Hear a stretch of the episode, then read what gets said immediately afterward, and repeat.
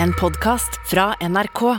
De nyeste episodene hører du først i appen NRK Radio.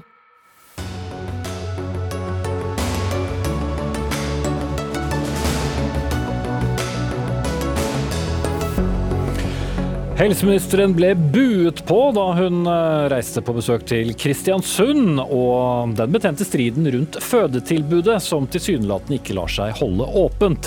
Senterpartiet har en klar forventning om at det blir et fødetilbud.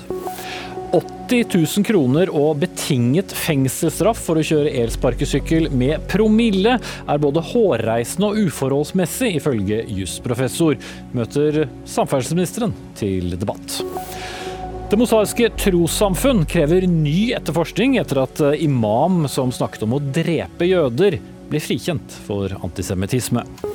Og full strid i det norske antidopingarbeidet. Det har sviktet på mange plan, sier presidenten i Ishockeyforbundet, som møter Antidoping Norge i Dagsnytt 18. Som er eh, sendingen du ser eller hører på, eller begge deler for den saks skyld. Jeg heter Espen Aas, i sendingen skal vi også innom de omdiskuterte reaksjonene i Forsvaret på narkotikabruk på fritiden. Og jammen blir det tid til tog også. Men vi starter altså i Kristiansund og den betente striden rundt fødetilbudet i byen. Fødetilbudet som Stortinget har vedtatt skal opprettholdes frem til et nytt sykehus står ferdig i Molde om noen år. Men til tross for en bevilgning på 25 millioner kroner har det med unntak av tre åpne uker ikke vært noe tilbud. Årsaken er at det er mangel på folk. Og du har tilbrakt dagen på sykehuset og i Kristiansund, helse- og omsorgsminister Ingvild Kjerkol fra Arbeiderpartiet. Blir det noe fødetilbud i Kristiansund? I dag har jeg brukt tida mi på å orientere meg om situasjonen. Eh, ta inn kunnskap fra de, de som har skoen på til daglig. Det Dette er jo et tilbud som er nødt til å være faglig forsvarlig. Eh, og Det er det aller viktigste for meg som helseminister. At fødende kvinner kan være trygge på at når de kommer til fødeavdelinga, så er det tilstrekkelig bemanning og god kvalitet og trygghet. Og Jeg har fått veldig sterk oppfordring i dag om å avklare veien videre, og det har jeg tenkt å gjøre innen kort tid. Det er det jeg har sagt til, til dem jeg har møtt i dag, og det er veldig mange. Har du da gitt noen instruks til ledelsen ved, ved sykehuset eller helseforetaket om å um, sikre et tilbud, slik jo stortingsflertallet med deg selv inkludert har vedtatt? Helse Midt-Norge fikk et direkte oppdrag fra meg, også øremerka penger for å gjøre jobben. Jeg har fått en detaljert beskrivelse av hvordan man har gått frem for å rekruttere tilstrekkelig fagfolk for å kunne gjenåpne føden i Kristiansund. Det har de jobba veldig systematisk med, og man lyktes også å gjenåpne føden, som du sjøl påpeker, programleder. Men etter ferieavvikling avviklinga så har det skjedd ting. Det har oppstått en situasjon hvor man ikke har tilstrekkelig eh, faglighet eh, til å kunne gjenåpne etter eh, sommerferien. Men har du kommet med noen ny instruks? Og, da må man ta en fot i bakken.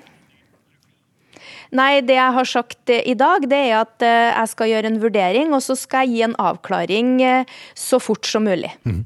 Hans Inge Myhrvold Dagen i dag har vært brukt til å ja, det var vi innom. Jeg skal over til Hans Inge Det er litt forsinkelse her, så det er ikke din feil. Hans Inge Myhrvold, stortingsrepresentant fra Senterpartiet og medlem av Stortingets helsekomité. Dette har jo vært en viktig sak for dere i Senterpartiet, og din partileder Trygve Slagsvold Vedum var sågar i Kristiansund og, og spiste marsipankake og var veldig begeistret over at det var åpnet for drøye to måneder siden. Men er det så mye å spise kake for? Jeg mener jo at denne regjeringen virkelig både tar anmodningen fra Stortinget om å sikre helsetjenester i hele landet på alvor. Men hvis du holder oss til Kristiansund? Ja, og Kristiansund. Det er klart at der har vi virkelig fulgt opp både regjeringen gjennom sine foreslåtte tiltak og forslag til løyvinger, og Stortinget sine faktiske løyvinger på, som, som en innleder med, med, 25 millioner. Vi har sett at her kreves det en, en særskilt innsats. og den den har vi fulgt opp politisk.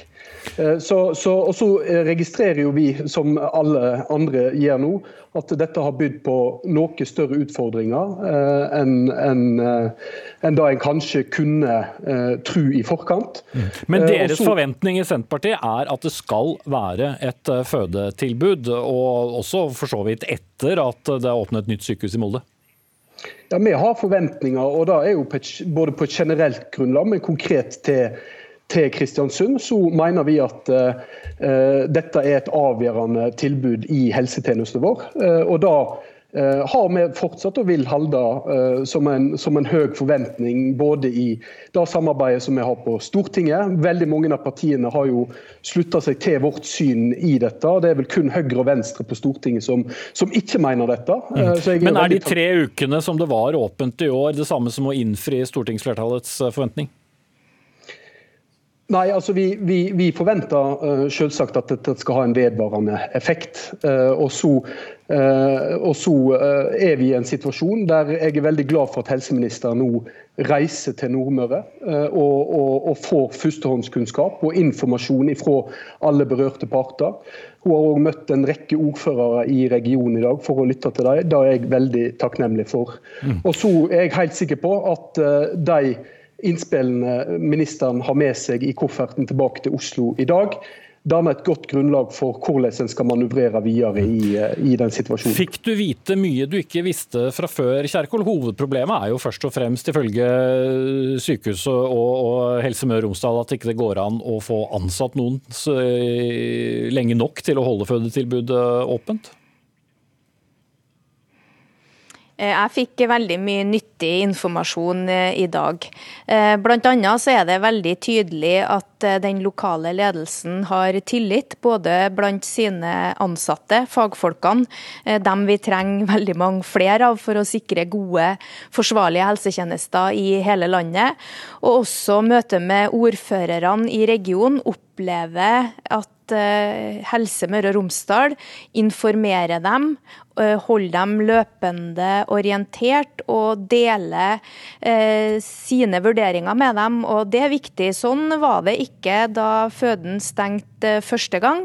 Det kom som et sjokk på regionen. Eh, sånn at her eh, opplever jeg en region som på mange vis står sammen om felles mål, mm. nemlig å trygge fødekvinnene når de kommer og skal oppleve det fantastiske det er å, å få barn. Da. Og da må det være trygt og forsvarlig. Mm. Og det det er ikke nødvendigvis det samme som eh, altså Trygt og forsvarlig er ikke nødvendigvis det samme som at det blir opprettholdt et eh, tilbud i Kristiansund. Du kan ikke love det her og nå. Da må du først eh, gå gjennom de inntrykkene og den informasjonen du har fått i dag. Eh, ansvaret for den faglige forsvarligheten den eh, ligger her lokalt hos eh, fagfolkene med riktig kompetanse. Det er ramma inn i lov av det samme Stortinget som vi ofte omtaler anmodningsvedtaket fra. Anmodningsvedtaket skal selvsagt regjeringa melde tilbake til Stortinget. Det gjør vi jo med alle anmodningsvedtak i forbindelse med statsbudsjettet.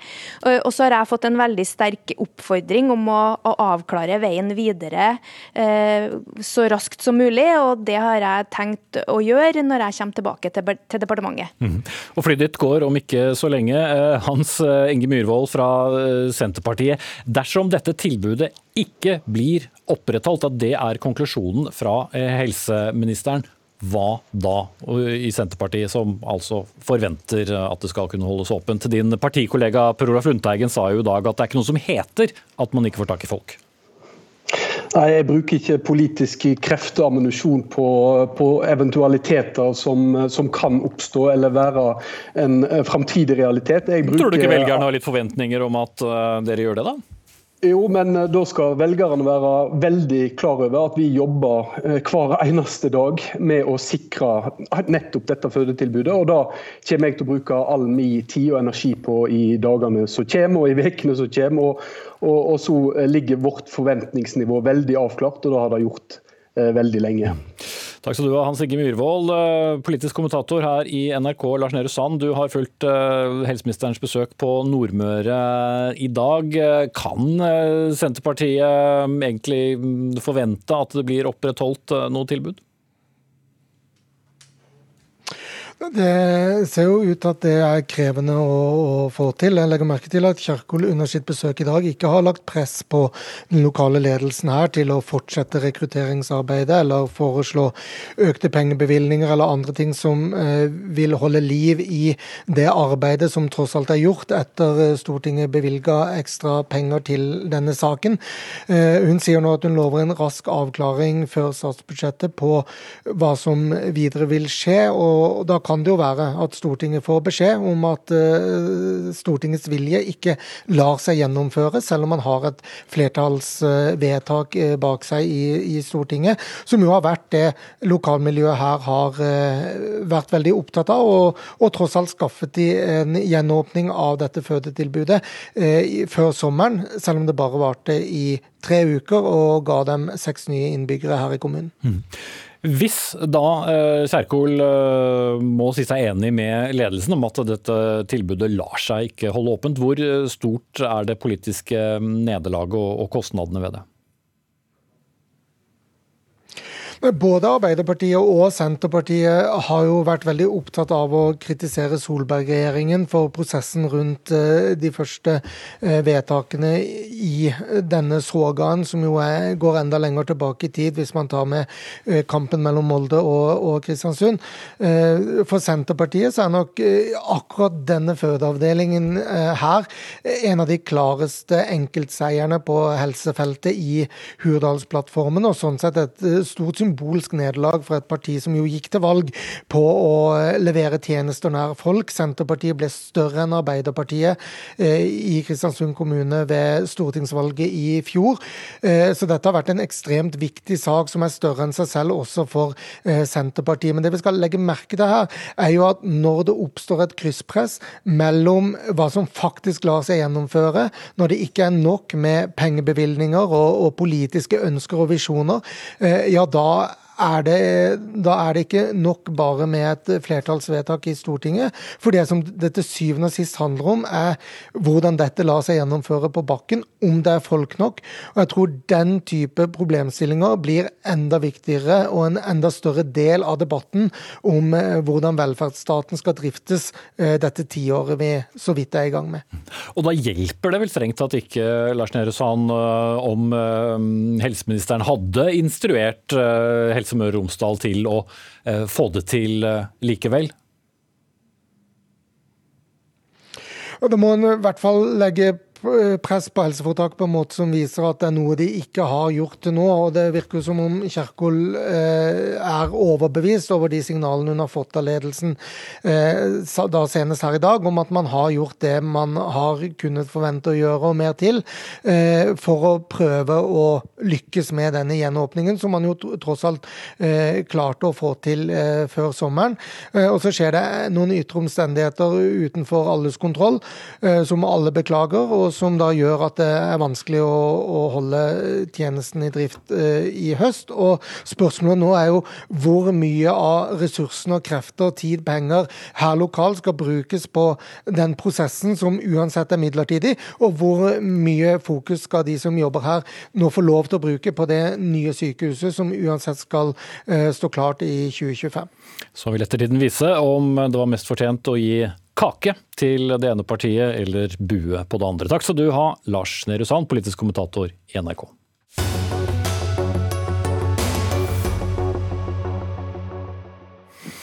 Er 80 um, 000 kroner i bot og en betinget fengselsstraff rimelig dersom uh, du uh, beveger deg rundt på en elsparkesykkel med promille? Vel, ja uh, og nei, skal vi straks høre. De nye elsparkesykkelreglene ble iallfall innført 15.6 og har de samme promillegrensene og den samme straffen som gjelder for bil. Men akkurat det mener du er både hårreisende og uforholdsmessig. Hans Fredrik Martinussen, jusprofessor ved Universitetet i Bergen. Men ehm, hvorfor det? Det er jo et motorisert kjøretøy. Skadepotensialet i bil er jo svært mye høyere enn skadepotensialet på en elsparkesykkel. Sånn at eh, det dør jo mange mennesker i trafikken i Norge hvert eneste år. Og i svært mange av de dødsulykkene, uforholdsmessig mange, så er eh, ruskjøring involvert. Så det er god grunn til at vi er veldig strenge med promillekjøring eh, med bil. Når det gjelder elsparkesykkel, så er jo skadepotensialet der, men det er mye mye mindre. Det går mye saktere, det er mye mindre vekt. og Derfor mener jeg at det å straffe de to handlingene likt er grunnleggende urettferdig og urimelig. Jon Ivar Nygaard, samferdselsminister fra Arbeiderpartiet. Hårreisende og uforholdsmessig? Nei, det mener jeg ikke det er. Eh, utgangspunktet her er jo at det har vært eh, utrolig stygge tall når det gjelder ulykker innenfor elsparkesykler. 3000 eh, på skadelig legevakten i Oslo på fjoråret, hvis vi ja, bruker litt sånn anslagsvisse tall. 40-50 eh, av de som skader seg har vært eh, under promille og rus. Så det var helt på tide å nå ramme inn dette på en god måte. Sånn Men de skader vel først og fremst seg selv? Nei, ikke bare det.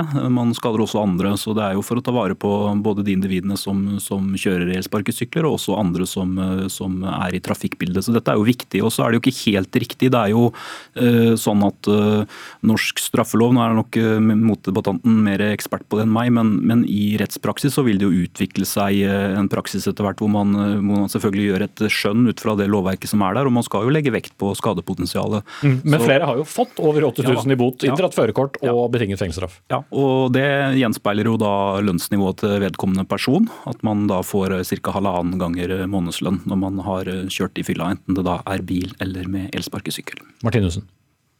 Ja, nå er det sånn at Disse straffene er ganske standardisert, da. så det er ikke så veldig mye rom for domstolen til å gjøre helt store endringer. Nå så jeg at uh, Jon Christian Elden på Twitter hadde kommentert at uh, dette burde ankes og prøves uh, for Høyesterett, i, i tråd med hva domstolen har ment om Segway før. Men enn så lenge så anvender domstolene disse standardutmålingsreglene, som gjør at man straffes like strengt for en sparkesykkel som man gjør for en bil.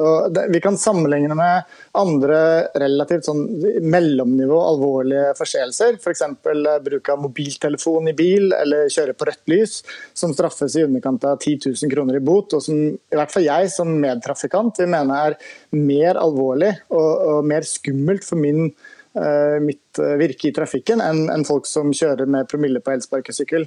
Og at folk skader seg selv, det legger vi normalt ikke vekt på. Det er jo skadepotensialet for andre som er det sentrale her. Mm. Ville du helst møtt en fyllekjører på sparkesykkel eller i bil, Nivår? Du, jeg tenker at Fyllekjøring er en uting i trafikkbildet uansett. og så er det jo ikke helt riktig. Vi har jo også gitt visse føringer på at man skal legge eh, det samme til grunn som når man eh, kjører i fylla på en, eh, en moped. Dvs. Si noen formildende omstendigheter i den retningen i den prosessen her. Så det er ikke helt riktig. Men på bøtenivå så viser det seg så langt at man ligger på det nivået som man ligger på når det er f.eks. en bil. Ble det vurdert noen mellomløsning eller et sted midt imellom? Nei, det gjorde ikke det. Vi var ganske trygge på at vi skulle bruke den innrammingen som var knytta til motorvogn, som jo er bil. Så er det jo sånn at rettspraksisen vil utvikle seg. Det er jo spennende å se hvordan det går. Men mitt poeng er at det er en farlig atferd som samfunnet bør regulere, og det har vi gjort. Som jo kan komme frem dersom det blir anket da, i disse sakene, Martinussen. Men uh, hva burde det være sammenlignet med å, å kjøre i fylla på en uh, elsparkesykkel? Jeg ser for meg i lys av andre lovbrudd som vi gjerne kunne sammenlignet med trafikken. som er nettopp Typisk å bruke mobiltelefon i bil eller kjøre på rødt lys, som er sammenlignet med rundt 10 000 kroner i bot. Eh, vi må også huske på her at eh, det er særlig ungdom da, som kan bli eh, utsatt her. Unge mennesker som gjerne i et øyeblikk eh, gjør en dårlig vurdering. Og, og, eh, Det er ikke sånn at vi ikke skal straffe og at vi ikke skal ha regler, og at, eh, at dette ikke er et problem. Men å straffe så hardt som å ta fra folk førerkort over lengre tid og gi dem to månedslønner i, i bot, det står ikke i stil med, med tilsvarende farefulle handlinger i trafikken som det å kjøre elsparkesykkel med promille. Nei, Jeg er uenig i det. Jeg mener at det her er behov for at vi har ganske tydelig innramming om eh, hva slags atferd vi ønsker i trafikken. og Bakgrunnen for det er at vi har hatt eh, betydelig antall ulykker. Det er fortsatt sånn at vi har tre i uka på Oslo skadelegevakt, og det er fortsatt sånn at eh, det er utfordringer med atferden her. og Det har også vært dødsulykker. Så dette er jo åpenbart noe som vi må være tydelige på fra samfunnets side av hensyn til liv og helse for både de som kjører elsparkesykler og de som er medtrafikanter. Men hvis du er redd for 8000 og betinget fengsel, så kan du jo heller ta å ta en elsykkel. Og da risikerer du langt lavere straff, for det er en sykkel. Det er helt riktig, og det er jo fordi at eh, når man har eh, gjort eh, vurderinger av hva slags regelverk vi skal ha her, så har vi sett på antall skader. Og det er altså da ti ganger større sannsynlighet for å skade seg på en elsparkesykkel enn f.eks. en sykkel. Så dette er ikke helt sammenlignbare størrelser. Vi har gjort et målretta tiltak med å regulere der hvor utfordringen er. Mm. Men begge er elsykler? Nei, det ene er da motorvogn, og det andre er elsykkel. Martinussen? Ja, det, jeg synes det viser absurditeten i det. Og igjen bruker samferdselsministeren da skade på seg selv som et kriterium, og det pleier vi ikke å bruke i strafferetten. Og uh, igjen, Hvis jeg møter en person på en elsykkel i, i beruset tilstand, så er jo den sykkelen gjerne tyngre og farligere enn elsparkesykkelen. Jeg, jeg skjønner at folk velter og skader seg selv på en elsparkesykkel oftere enn på elsykler, men å ha et så klart insentiv til å velge en stor og tung elsykkel på vei hjem fra byen hvis du har tatt noen øl, det, det tror jeg folk ser det absurde i. Men tror du ikke det også har en viss avskrekkende effekt, eh, Martinussen, eh, som jo først og fremst eh, er kanskje det viktigste? Jo, Det er åpenbart at det har en avskrekkende effekt, men eh, det betyr jo at de som da gjør en dårlig vurdering i, i, i, alkoholrus og, og, bryter reglene, blir straffet uforholdsmessig hardt. Da. Jeg tenker at Det skal være en forholdsmessighet mellom alvorligheten i lovbruddet, den faren man utsetter andre for, og den straffen man får. Mm. Nygaard, ingen planer om å se på dette på nytt. Nå er det opp til rettsvesenet å behandle disse sakene? Nå er det opp til rettsvesenet å behandle disse sakene. Mm. Da runder vi av der. Takk til Hans Fredrik Martinussen, jusprofessor ved Universitetet i Bergen, og Jon Ivar Nygaard, samferdselsminister fra Arbeiderpartiet, som blir eh, sittende, for vi skal eh, holde oss i trafikken.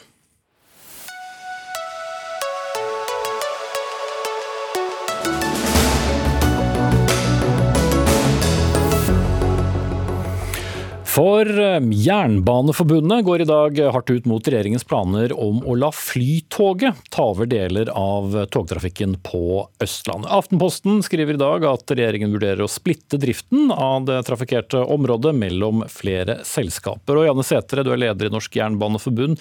Dette er stikk i strid med valgløftene, sier du til eh, avisen. Hvordan da? Det som kom fram under valgkampen, var at eh, vi skal samle jernbanen. Vi skal ikke fortsette å splitte den. Og eh, det som er unikt med jernbanen, det er at det er stordriftsfordeler som gjør at eh, jernbanen kan bli effektiv. Og gjennom å splitte opp dette her i forhandlinger med Vy og Flytoget, så gjør man det motsatte. I realiteten så etablerer man liksom nok et nytt selskap innenfor persontrafikken, og det trenger vi ikke. Ja, Nygaard? Ja, la meg først si at Vi har fulgt opp Hurdalsplattformen. Vi har stanset konkurranseutsettingen innenfor persontogtransporten. Vi har stanset konkurranseutsettingen og avlyst ti pakker med konkurranse på drift og utvikling av drift og vedlikehold. Og det vi gjør nå er jo at vi åpner opp for at man kan benytte seg av begge våre to statlige togselskaper i direktetildelingen. Mm. Hva er nytten gjør... for Vy med at eh, mange av deres avganger gis til Flytoget i stedet, som ikke har dem fra før? Ja, Nå må vi først eh, ta det litt sakte i bakken her. fordi Det er for det første ikke en prosess som er fullendt. Det er sånn at uh, Dette er en prosess hvor man har sagt at man har en foretrukken samtalepartner i disse diskusjonene om direktetildeling. Hva som blir utfallet, det vet vi ikke nå. Det kan bli én aktør eller det kan bli to aktører. Men det er et poeng som må tas fram her, og det er at vi ønsker å få tatt ut den kapasiteten som ligger i togsystemene våre til beste for passasjerene. Det er sånn i dag at Flytoget tar opp betydelige deler av kapasiteten i Oslotunnelen. Og vi ønsker å få det integrert inn i togsystemet, sånn at vi kan få flere passasjerer om bord på, på, norsk jernbane. Det er nok, nok sannsynligvis det aller viktigste grepet vi kan gjøre i Oslo-området for å ta ut den kapasiteten som er til stede. Og Da er det riktig av oss å snakke med Flytoget for å se om det er mulig å få til. Eh, det er jo to statlige togselskaper i Norge. Det har det vært lenge, og det er sannsynlig at det vil være også i framtiden. Kan... Så, så hva er problemet da, Setre? Nei, altså Det viktigste Nygård burde gjort, det var jo å sette i gang en utredning om å slå i sammen Vy og Flytoget. For vi er helt enig i de vurderingene dere gjør der. Vi skal utnytte kapasiteten maksimalt. Men eh, den måten dere har starta dette showet på, gjennom å at Vy og eh, Flytoget nå skal konkurrere om hvem det er som kan levere best, og at de har fått noen linjer hver seg som de liksom på et vis skal levere på. Verken Flytoget eller Vy er store nok til å kunne drive dette effektivt. Så vårt råd er, og det har vi sagt til deg i flere runder, eh, dere må utrede hvordan vi skal få en best mulig og effektiv togproduksjon i og rundt Oslo. Det er det aller viktigste ja, konkurranseutsetting eh, av jernbanestrekninger, eh, det var jo sånn de drev med under disse berømmelige åtte årene? Det. Ja, og det er avlyst. Så det er ingen konkurranseutsetting på norsk jernbane nå. Det er direktetildeling til eh, ett eller to av våre to statlige togselskaper. Men det får jo konsekvenser f.eks. For, for Vy dersom de skal trafikkere mindre enn de gjør i dag? Ja, det får det. Og da vil man jo selvfølgelig også i den sammenhengen måtte vurdere eventuelt stordriftsfordeler. og Det har jeg tillit til at Jernbanedirektoratet klarer å håndtere i så måte. Men så er det viktig å si at eh, vi er ikke fremmed for å vurdere strukturelle endringer på togoperatører og sånn i framtiden. Men det må, Som komme, det, ja, det må komme i tur og orden. Vi har jo satt i gang et stykke arbeid om å se på hvordan vi skal organisere jernbanen framover. Og da vil ikke jeg avvise det som en mulighet, men det er ikke noe som ligger på bordet nå. Nå er realiteten at vi har to statlige togselskaper, og vi ønsker å få det beste ut av begge de to selskapene. Mm. Og Da er det viktig at vi tar ut kapasitet, og at vi får et godt tilbud til selvfølgelig de som er primære her, nemlig togpassasjerene. Og så skal vi selvfølgelig ta godt vare på de ansatte i den prosessen. Det vil jo i så fall være sånn at man, hvis det blir sånn at det blir to eh, statlige selskaper som skal drifte hver sin pakke, så vil det jo være sånn at man får virksomhetsoverdragelse og flyttes fra det ene statlige togselskapet til det andre mm. statlige togselskapet. Ikke noe å være nervøs for da, Sætre? Jo, det vi er nervøse for er at eh, disse to selskapene isolert sett de blir så små. Og den kjøringa som spesielt kan bli en i Vy, da, med sånn som dere har lagt opp, den eh, vil inneholde veldig mye lokaltogkjøring. Og det blir veldig statisk. Det som er fortrinnet til Vy i dag, det er at man kan rullere. Du kan bruke personale, du kan kjøre mellom Spikkestad og Lillestrøm på morgenen, og så kan du ta en tur til Skien, og så har du et fullt dagsverk. Det vi også ser, er at det blir vanskelig å fylle spesielt Vy-kjøringa med 100 eh, stillinger. Og eh, i andre sektorer eh, så jobber vi jo hardt for å få 100% stillinger inn igjen, bl.a. i helsevesenet. Og så skal vi liksom nå jobbe for å gjøre det motsatte i jernbanen. Det blir altfor små enheter, så man klarer ikke å lage gode arbeidsbetingelser. Mm. Ok, Vi har med oss Trond Helleland på linje, ikke toglinje, men lydlinje fra Drammen. Du sitter i transport- og kommunikasjonskomiteen på Stortinget for eh, Høyre. Mm, eh, en god idé med å dele Østlandet mellom eh, de to selskapene? Ja, Det er i hvert fall den nest beste ideen. For den beste ideen var jo den eh, regjeringen hadde lagt opp til, den forrige regjeringen, nemlig å ha anbud på det som kaltes jernbanepakke 4 og 5.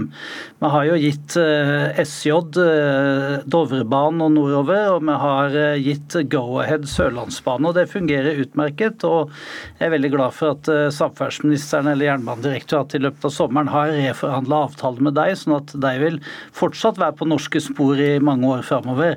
Så går vi da til denne pakka. Når jernbanepakke 4 ble lansert, eh, eller anbudet kom inn, så sa Vy at de kunne kjøre de neste ti åra for 9,9 milliarder kroner. Det hadde fått 1,5 milliard i året, så vil si at det, allerede der var det en besparelse på 6 milliarder. Eh, nå reiser Jonas Gahr Støre og Nygård rundt og sier at det blir veldig tungt neste år. Vi skal kutte i bevilgninger på samferdsel. Vi har dårlig, eh, dårlig, økonomi, eh, eller vi har et press i økonomien som gjør at vi må holde igjen. Da vil det jo være veldig dumt å bare gi Vy carte blanche til å bruke de pengene de ønsker å bruke.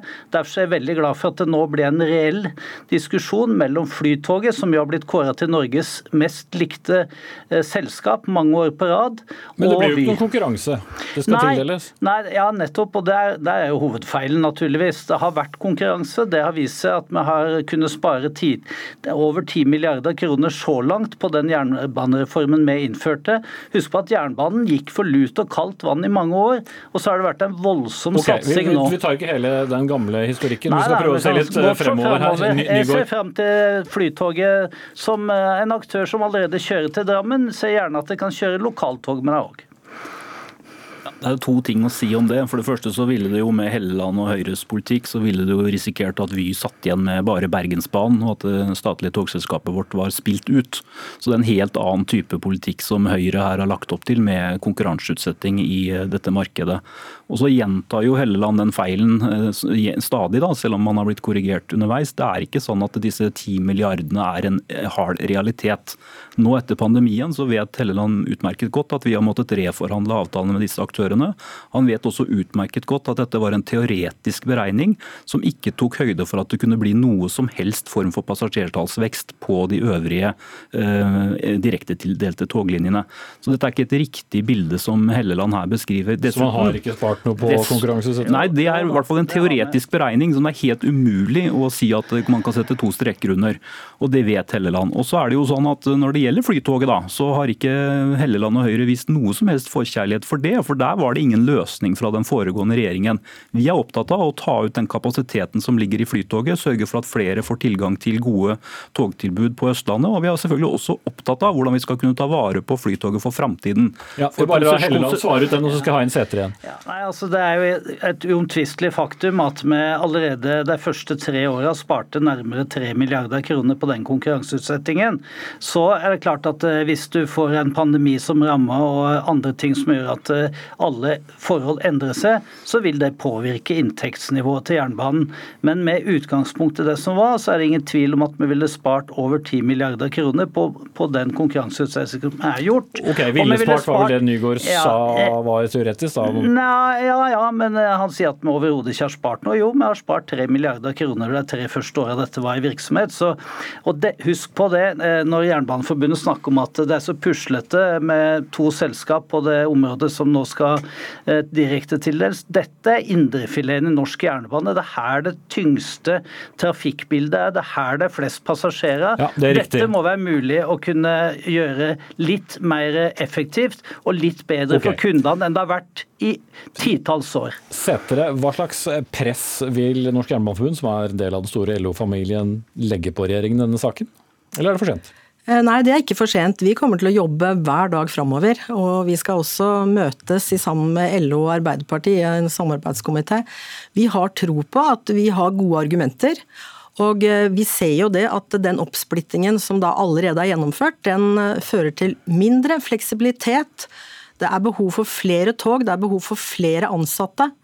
Og eh, den besparelsen som Helleland viser til, det er det ingen som klarer å vise til. Ok, Vi tar ikke enda en diskusjon eh, om eh, den besparelsen, for det har vi gjort flere ganger allerede. Selv om jeg hører at du prøver, Trond Helleland, jeg blåser i, i, fløyta. De nye avtalene vil i hvert fall gjelde fra september 2023 og ti år frem i tid. Eneste som er sikkert, er at man sikkert også får buss for tog. Trond Helleland, eh, stortingsrepresentant fra Høyre, samferdselsminister Jon Ivar Nygaard og Janne Sætre fra Norsk Jernbaneforbund. Takk skal dere ha.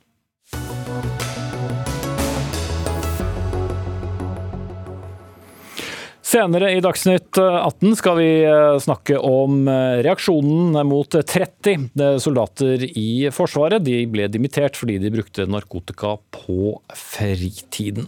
Men nå skal det handle om noe ganske annet, for det har vakt oppsikt at politiet valgte å henlegge en sak mot en imam i Drammen som i fjor ble anmeldt for hatefulle ytringer mot jøder. Vi skal komme tilbake til den saken spesifikt, men først snakke om det mer prinsipielle. For det er ikke lenge siden siden Riksadvokaten oppfordret påtalemyndigheten til å prioritere anmeldelser som gjelder hatefulle ytringer, samtidig som det ble bedt om flere anmeldelser. Og Statsadvokat eh, Alf Buttensjøen skrev nesten 60 av saker eh, som omhandler hatefulle ytringer eh, som blir etterforsket, ender opp med å bli henlagt, ifølge SSB-tall. Hva slags signal sender det?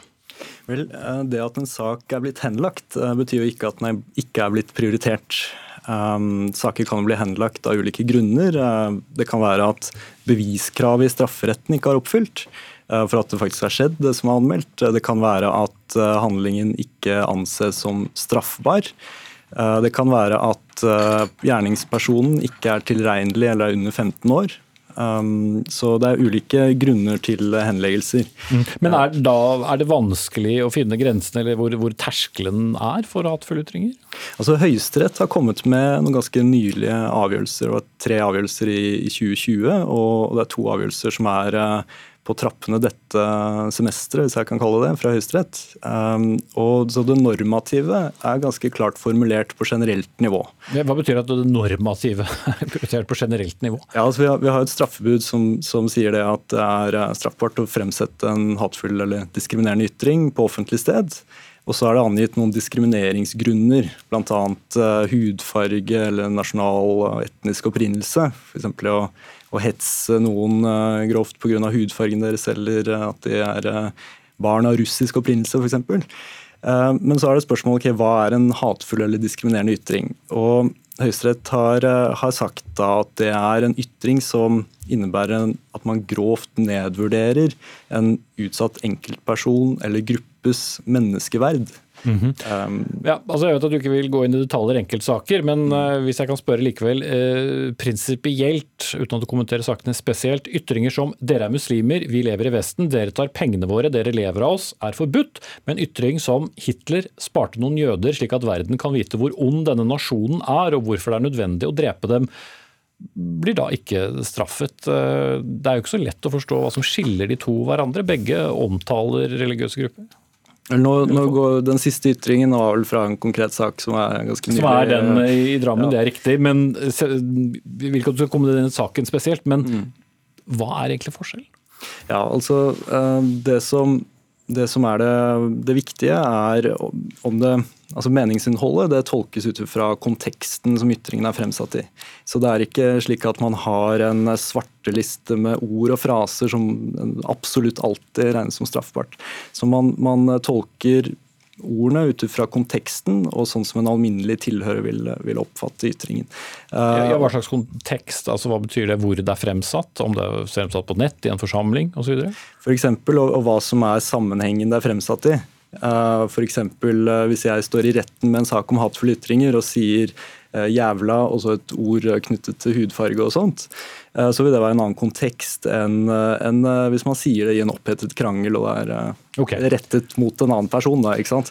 Ja, vi skal ta inn en til her som du ønsker deg ikke å gå i debatt om dette, så vi takker deg av statsadvokat Alf Buttensjøen Skred. Og det er deg, Gjervin Kohn, forstander i Mosaiske trossamfunn. Dere har nå bedt om at denne saken i, i Drammen, som var den siste jeg siterte, må etterforskes på nytt. Hvorfor har du ikke tillit til at den ble behandlet uh, riktig?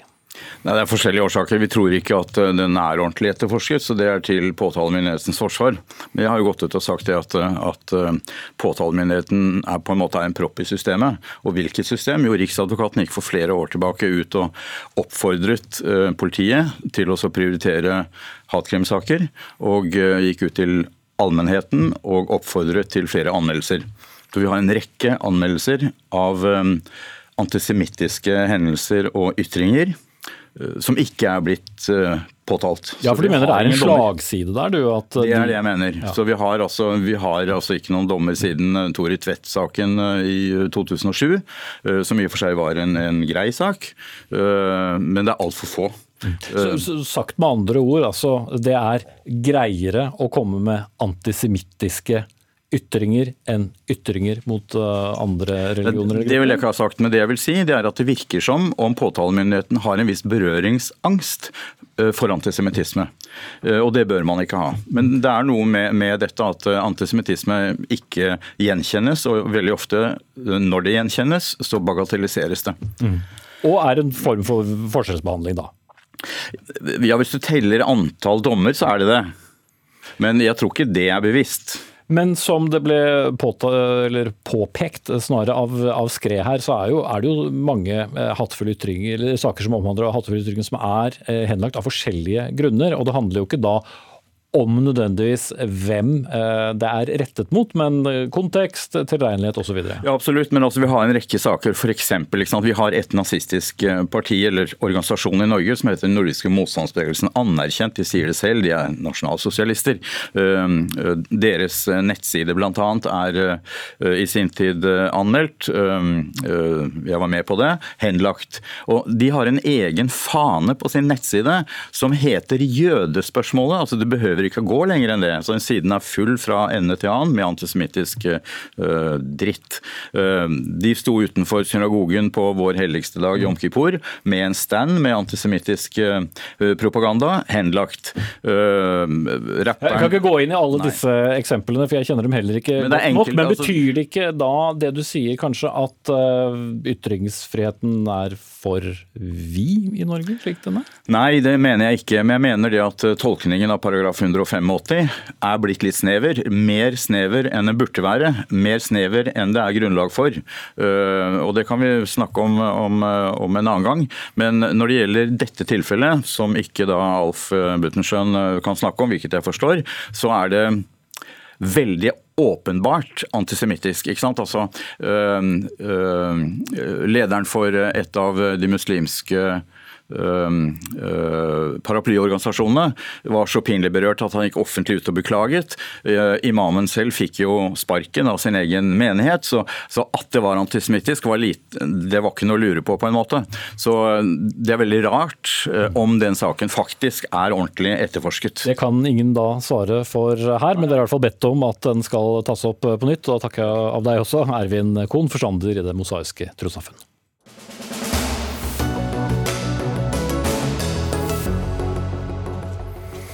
Så skal vi til striden rundt eh, Antidoping Norge, som eh, ikke kan teste utøvere mellom 15 og 18 år uten foreldrenes eh, samtykke. Det er en særnorsk lov, og som Norge faktisk fikk beskjed om å endre for tre år siden, uten at det skjedde. Og ytterste konsekvens kan det føre til utestengelse det fra internasjonale mesterskap. Ansvaret for det er ene og alene hos Antidoping Norge, sa idrettspresident Berit Kjøll på et åpent møte med pressen tidligere i dag men ville selv ikke stille i studio. Men Anders Solheim, leder av Antidoping Norge, er du enig i at ansvaret er ene og alene deres? Det er eh, et tema som er vanskelig for oss å løse på egen hånd. Nå har vi i dag fått beskjed om at eh, når det gjelder topputøvere som er eh, mindreårige, så vil Kulturdepartementet se på behovet for at de kan bestemme, sjøl.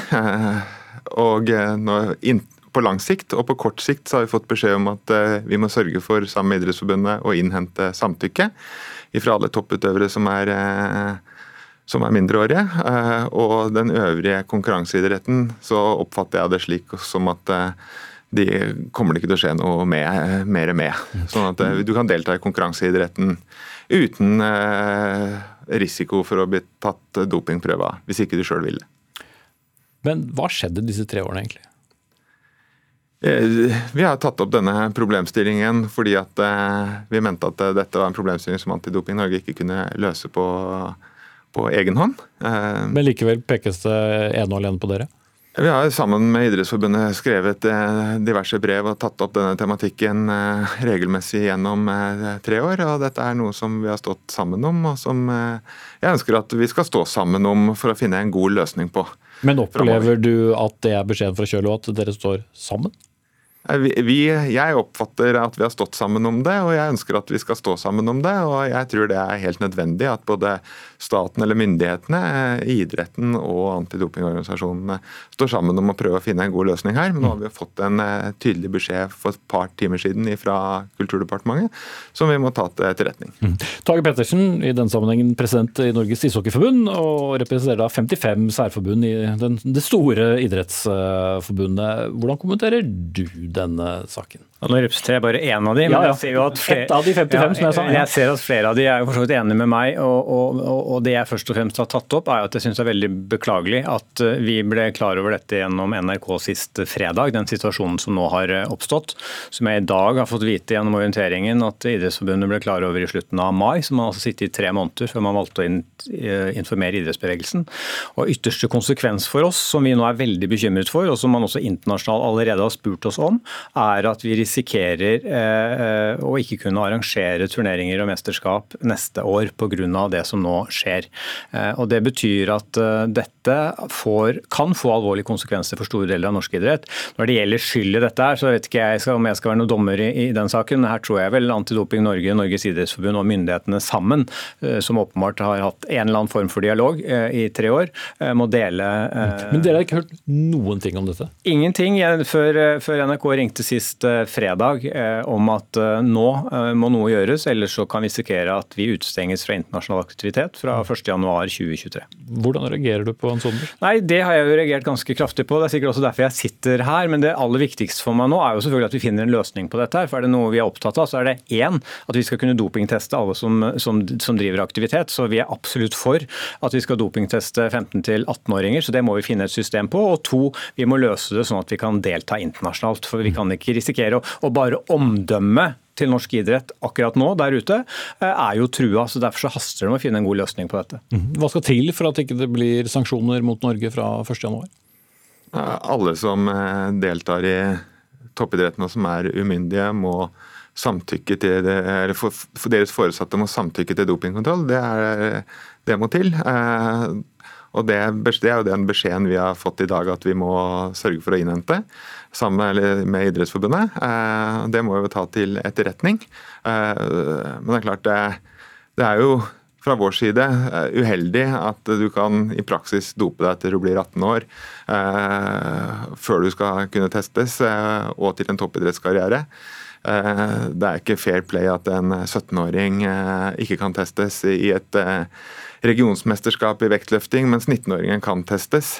Og vi er redd for at det også kan bidra til helseproblemer, at man åpner opp for at unge kan dope seg. Ja, er jeg, helt, jeg, er helt, enig i dette. Dette må jo løses. og Hvis vi ser også på toppnivå på, på flere av ligaene våre, så har vi jo mange spillere som er, som er under, under, 18 år. Så dette er en veldig relevant eh, problemstilling. Eh, og, og, og, Den enkleste løsningen på problemet er jo at eh, regjeringen vurderer en forskrift til barneloven, sånn at man slipper. Det er klart, Skal man ha en sånn type samtykkepraksis, så tror jeg det blir et skjemavelde som, som både for klubber, idretten totalt sett, for Antidoping Norge, egentlig for alle kommer kommer til å bli veldig uhåndterlig og uoversiktlig. Så den enkleste måten å håndtere dette på er enten endring i lov, det tar lang tid, eller en forskrift i barneloven som gir myndighetene fullmakt til å kunne kontrollere unge mellom 15 og 18 år. Mm. For en lapp hjemmefra, det høres utvilsomt eh, noe byråkratisk ut? For oss, eh, Dette er jo et tema som eh, idretten er nødt til å se på hvordan man skal løse den samtykkeordningen. Fordi det er ikke mulig for Antidoping Norge og ha oversikt over verken medlemmer eller hvem som blir tatt ut på uh, i avstanden eller på laget til uh, en ishockeyklubb f.eks. For, eksempel. for å stille et urettferdig spørsmål, kunne dette vært løst for lenge siden? Ja, vi, altså, Det er derfor vi har tatt det opp, for å forsøke å finne en løsning, så ikke man skulle komme i den situasjonen. Uh, det som er bra, er at dette har trigga en debatt, og trigga nå at det, det, kommer en løsning og som vi, vi er nødt til å ta til etterretning, for det er, staten bestemmer. Staten bestemmer. Jan Petter Saltvedt, sportskommentator her i NRK. Det er jo dere i NRK-sporten som har, har, jobbet med denne krisen eller denne saken. Hva, hvordan har dere forstått hvorfor dette har tatt så lang tid? Nei, Det har jo vært et av problemene våre. At eh, det har ikke vært mulig å få svar eh, på dette.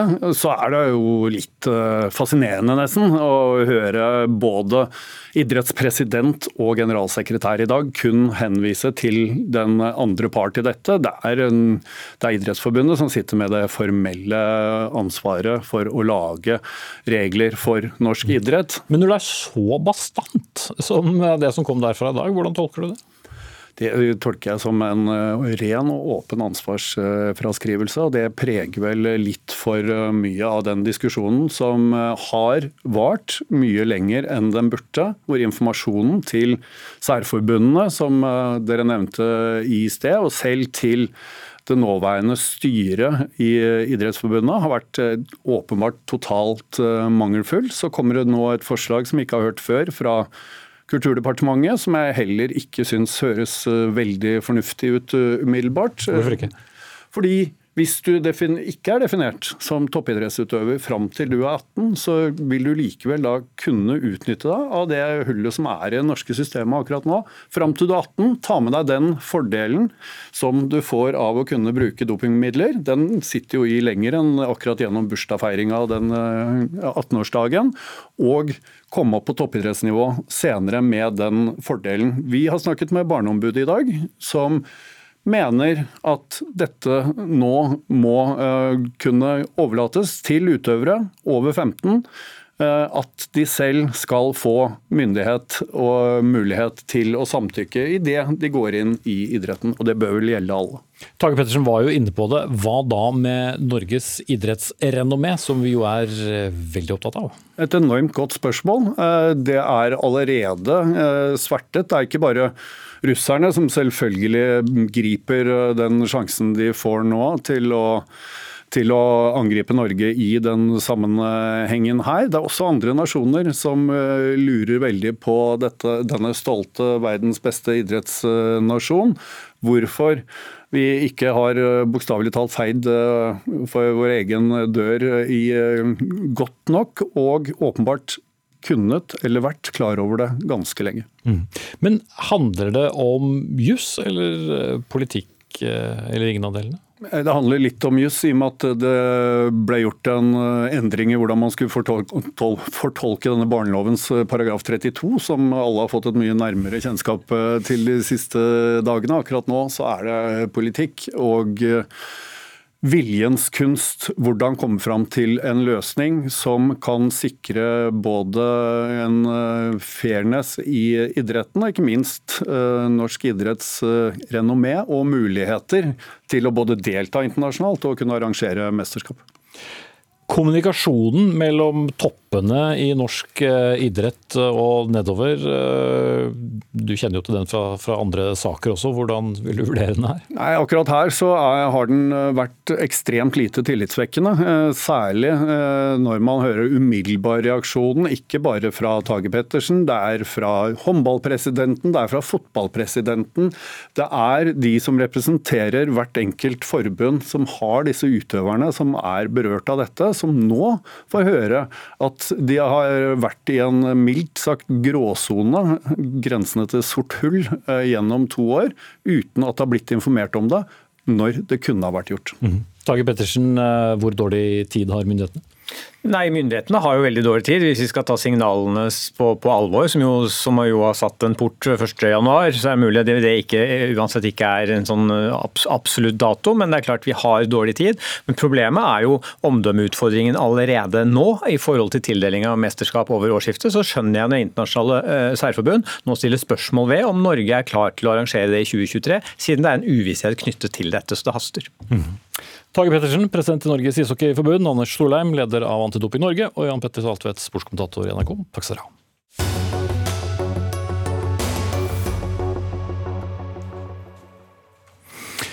Etter dimitteringen av 30 soldater fra Hans Majestet Kongens Garde for narkotikabruk på fest på fritiden, så går debatten stadig sin høye gang om Forsvarets eh, strenge reaksjon. En reaksjon som kom etter at gardisten altså innrømmet bruk av bl.a. kokain, ecstasy og marihuana på en privatfest under permisjon. Du er ikke så imponert over reaksjonen fra Forsvaret, Anne Rokkan, kommentator i Dagens Næringsliv. Du kaller den for unødvendig brutal. Skal man ikke reagere på bruk av ulovlige rusmidler? Jo da, Eh, altså for det første så er det jo viktig å presisere at det å være ruset på jobb i Forsvaret med våpen osv., det er helt utilgivelig. Men som du nevner, så er det jo ikke det som har skjedd her. Og Forsvaret de må gjerne reagere eh, på det som er et ulovlig eh, rusbruk, men i dette tilfellet så mener jeg altså at de overreagerer på to måter. Eh, den første er den at disse eh, gardistene er ikke dimittert på bakgrunn av noen sånn narkotikalovgivning. De er dimittert på bakgrunn av en forskrift som sier noe om vandel og livsførsel. Og Hvis vi ser hva Forsvaret sjøl skriver om hvilken livsførsel de altså ser på som diskvalifiserende, så nevner de f.eks. fartsbøter, gir ingen reaksjon. Fyllekjøring, det kan være diskvalifiserende, men alvorlighetsgrad og tidspunkt tas i betraktning. Vold, trusler og ran det kan også være diskvalifiserende ved gjentatte eller grove episoder. Og igjen så tas altså alder og tidspunkt med i betraktningen. Men når det kommer til misbruk av narkotika, så er det altså alltid diskvalifiserende. Mm. Så for å være litt plump og, og tabloid, da, så, så, kan du nærmest uh, være mer trygg hvis du begår et ran på fritiden enn om du røyker en joint? Ja, det er lettere å bli tilgitt av Forsvaret for vold, trusler og ran enn det er for å ha røykt cannabis på en fest mens du var på perm i sommer. Og jeg tror jo ikke at Forsvaret her helt klarer å fange befolkningen for øvrig sitt syn på hvem de helst vil ha bevæpnet stående eh, i gaten og passe på både seg sjøl og i dette tilfellet kongen. La oss eh, gå til kildene, hadde jeg sagt. Lars Lervik, du er eh, sjef i Hæren, generalmajor, og også sjefen for mannen som har dimittert disse 30 soldatene fordi han ikke lenger hadde tillit eh, til dem. Hvordan henger disse reaksjonene sammen? For det første da, så er det en ganske tydelig eh, politikk i, i, Forsvaret at vi, ikke, at vi har en nulltoleranse i forhold til narkotikamisbruk. Eh, og Det blir kommunisert ganske tydelig helt fra starten, om du starter som vernepliktig eller om du starter som ansatt. I dette tilfellet her så er Hans Majestet Kongens Garde ca. 1000 ansatte og vernepliktige som løser et skarpt oppdrag med skarpe våpen eh, og tunge kjøretøy i Oslo hver eneste dag. Det består av vakthold av de kongelige residenser, det består av beredskap. Og For å kunne løse det oppdraget så er vi helt avhengig av at vi har tillit til det personellet som gjør det. Mm, men får du mindre har... tillit til noen som da uh, bruker narkotika på fritiden, enn til noen som begår et ran? Nei, det, det, det kan jeg ikke si at vi gjør. Eh, men i det tilfellet her da, så har jo eh, sjefen for Garden forholdt seg til de bestemmelsene som gjelder. Han har gjort en vurdering av skikketheten til personellet. Og, og, da, eh, når han ikke eh, har tillit til at sikkerheten er god nok, så har han da iverksatt dimittering. Så er det jo også slik at uh, gardistene, ifølge en sak vi har ute nå i dag, føler seg lurt til å tilstå. Hvordan kommenterer du det? Det, det, for det første, som du sier, altså har altså de eh, dimitterte her har innrømt bruk av narkotika. Hvis de opplever at de har eh, blitt dimittert på feil grunnlag, så står de fritt til å kontakte Forsvarets eh, personell- og vernepliktssenter for å få en ny vurdering av den saken. Så der eh, er det for dem, Hvis de føler at dette har blitt gjort på feil grunnlag, så må de ta kontakt. Rokkan. Altså for det første, Forsvaret må selvfølgelig gjerne ha nulltoleranse for narkotikamisbruk, og det er også ulovlig å bruke narkotika i Norge. Men som en gardist dere i NRK snakker med i dag sjøl sier, så hvis eh, Forsvaret virkelig skal eh, dimittere alle som noensinne har brukt narkotika av norske 19-åringer, så er det ikke mange nok igjen til å beskytte kongen. Eh, dessuten så sier du at det er vurdert en skikkethet, ehm, men det er vanskelig å se for seg at alle disse 30 gardistene som er blitt dimittert, og samtidig blir beskrives av Forsvaret sjøl som for øvrig veldig flotte unge mennesker, er eh, gjort en individuell vurdering på deres skikkethet. Ehm, det eh, gjorde de, artig nok. I 1975 så er det å lese i stortingsmeldingen, eh, som enkelt og greit heter om narkotikaproblemer, at Forsvaret tar ikke til tjeneste vernepliktige mannskaper som er sterkt belastet når det gjelder narkotikamisbruk. På den annen side er det ikke i seg selv noen grunnlag for dimensjon. Legene avgjør i hvert enkelt tilfelle om de kan tjenestegjøre eller ikke. Og jeg vil jo påstå at Det er litt rart at vi i 1975 hadde et mer på en måte individuelt tilpasset eh, vurderingssystem for eh, eh gardistenes skikkethet enn å dimittere alle flatt i dag. Dessuten så sier Forsvaret sjøl allerede i 2020 eh, at de også følger tendensen i samfunnet til å straffe og reagere på narkotikabruk på en litt annen måte. Så de skal ikke lenger straffe, men refse. Og det skjønner jeg ikke at det å bli dimittert og sendt hjem til mor og far med et narkotikaproblem ikke er en straff. Lars Lervik. Jeg skal prøve å ta det her litt sånn i, i, i, rekkefølge. For det første så eh, er det å dimittere ikke en straff, det er en, det er en reaksjon. Eh, hadde vi refsa, så hadde det vært en straff. og Det er som riktig som, eh, som Anne påpeker, det, det, har vi valgt å ikke gjøre i dette tilfellet. Og så blir, har de her 30 blitt individuelt vurdert. Hver, hver enkelt sak har blitt vurdert hver for seg. Så det, er, det har, har vi gjort, sånn som vi gjør i alle personellsaker. Så jeg er enig med Anne i at vi må på en måte også være en del av å reflektere det samfunnet som vi faktisk er satt til å beskytte. Slik at Vi må også utvikle oss i takt med det samfunnet. og Derfor så vurderer vi jo praksisen også på, på dette området kontinuerlig og må fortsette å gjøre mm. Ok, Nå er linjen din litt rufsete her, eh, Lervik, så jeg smetter inn med et spørsmål. For din sjef, forsvarssjef eh, Erik Kristoffersen, ba i forrige uke om en vurdering på hva som ligger bak den reaksjonen, hva som egentlig skjedde og hvilken informasjon gardistene fikk underveis i prosessen. Hvor langt er dere kommet i den saken? Den, den vurderingen er levert til, til forsvarssjefen, eh, og jeg opplever at han er tilfreds med den. Kan du fortelle hva den inneholdt? Nei, Den inneholdt en gjennomgang av eh, hvordan vi hadde gått frem, hvordan den enkelte hadde blitt eh, orientert og også fått mulighet til å uttale seg, og også hvilke, hvilke bestemmelser og regler vi har. Så dere er tilfreds med prosessen? Vi er tilfreds med med prosessen. Men selvsagt, jeg, skjønner jo at det her er veldig veldig vanskelig for de 30 som er, er berørt. Det skjønner jeg. Og som sagt, Hvis de opplever at eh, det er noe her som de ønsker å få sett på nytt, så har de muligheten til å ta kontakt mm. med Forsvaret. Men de burde fortjent eh, tillit, Rokkan, kort og slutt? Jeg tenker det, og jeg er glad for at dere har vurdert skikketheten deres hver enkelt. Men jeg lurer fortsatt på hvordan dere begrunner at det å ha røykt cannabis på en fest i sommer gjør deg nødvendigvis mer uskikket til å tjene i Forsvaret enn ved å drikke sprit forrige helg. Og jeg håper at Forsvaret benytter denne anledningen til å reflektere eh, og oppdatere seg på kunnskap om rus, sånn som resten av samfunnet endelig er i ferd med å gjøre. Mm, det har du sikkert et eh, langt og godt svar på, Lars Lervik, sjef eh, i Hæren, men det har ikke vi tid til her. Jeg må takke av deg og Anne Rokkan, kommentator i Dagens Næringsliv. Frode Thorshaug var teknisk ansvarlig for kveldens Dagsnytt 18. Gro Arneberg ansvarlig for uh, innholdet. Og ja, jeg heter Espen Aas. Det blir ny sending uh, i morgen. Takk for i kveld.